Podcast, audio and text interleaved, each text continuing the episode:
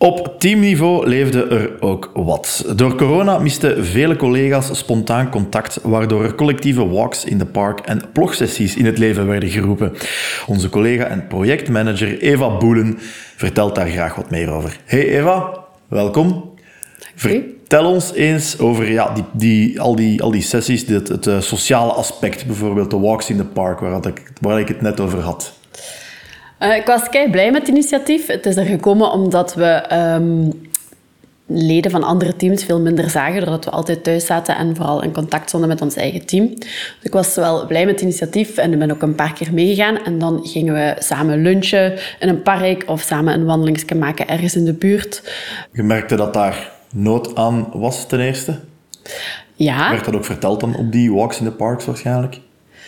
Ja, de ene collega had er al meer nood aan dan de andere, maar het was leuk om met die collega's die er wel nood aan hadden, uh, terug echt te, echt te kunnen babbelen en um, dingen te doen en elkaar nog eens in het echt te zien. En dan uiteindelijk is het van walks in the park naar, naar plogsessies geëvolueerd. Is dat omdat iemand uh, een papiertje op de grond zag uh, liggen en zegt van zeg, we zouden er eigenlijk allemaal eens moeten opkuisen? Zoiets? Ik denk niet dat het zo geëvolueerd is. Maar het was alles, ik denk dat het vooral is omdat SAT ik wil inzetten op duurzaamheid, omdat we bekeken hebben hoe, dat we, hoe dat we daaraan kunnen bijdragen. Uh, dus dan zijn we een paar keer bepaalde regels in Leuven gaan doen met een plogstok, heet dat zo? Uh, en hebben we uh, heel wat afval bijeengeraapt en, en verzameld. En dat is wel leuk om toch ook een positieve bijdrage te leveren. En uw eigen buurt wordt er nog proper van ook. En gelukkig was er bij mij mijn eigen buurt. Dus inderdaad, mijn eigen buurt uh, werd er proper van. Dus dat was inderdaad dubbel. Dus elke stad die kan zomaar mee gaan ploggen? Jazeker. En je kunt zelfs nog een stap verder gaan en nu laten registreren als uh, afvalvrijwilliger bij Stad Leuven. Als afvalvrijwilliger bij Stad Leuven. Dus daar leid ik dan uit af dat je eender wanneer, met eender wie, op eender welke plek op grondgebied van Leuven kunt gaan ploggen. Ja, en zelfs met de dienstverlening van Stad Leuven dat ze de vuilniszak die gevuld komen ophalen. Kijk eens aan, het is allemaal geregeld. Inderdaad. Die walks in the park en plogsessies zijn voorbeelden van acties waar we letterlijk op uittrokken. Maar ons recentste project is er eentje bij Static binnen. En daarvoor heb ik nog een andere collega die Eva heet en die komt mee aanschuiven. Eva van den Einde, wel te verstaan. Dag Eva. Hallo. Die missie Orangerie, uh, waar dat we het al hebben over waaien, uh, wat houdt dat juist in? Want ik ben ook niet 100% mee. Wel, zoals iedereen hebben wij tijdens het coronajaar heel veel getelewerkt. We zijn eigenlijk gewoon fulltime thuis geweest en we misten elkaar enorm. En daarnaast zijn we ook nog eens gegroeid. We hebben verschillende mensen aangenomen. Dus op het moment dat we beseften, we mogen terug naar kantoor, hadden we gewoon niet genoeg stoelen voor iedereen. Um, daarnaast hebben we ook beseft dat zo één grote open office space um, met 40 mensen, dat dat gewoon veel kabaal geeft. Dat er niet echt efficiënt zou gewerkt worden als we nog eens allemaal terug mogen komen. Omdat sommigen graag in totale stilte werken ja, en ja, sommigen toch niet wel, liever doen dan babbelen. Ja, inderdaad. We zitten ook met een aantal introverten uh, die zeggen van kijk, laat me nu eens gewoon goed doorwerken.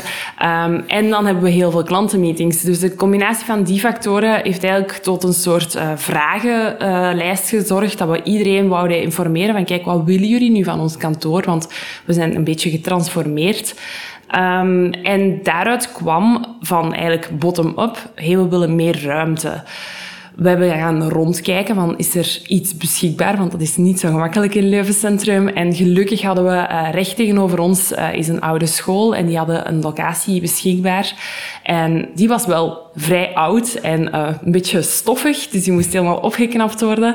Maar dat hebben we dan met z'n allen gedaan. Er is een soort werkteam gekomen van mensen die zin hebben om samen te schilderen na de uren met een pizza erbij. Er zijn een aantal mensen die naar de kringloopwinkel zijn gegaan voor tafels en stoelen. Mensen die akoestiek uh, geregeld hebben. En dus eigenlijk allemaal samen de handen in elkaar geslagen om uh, dat project gaande te krijgen.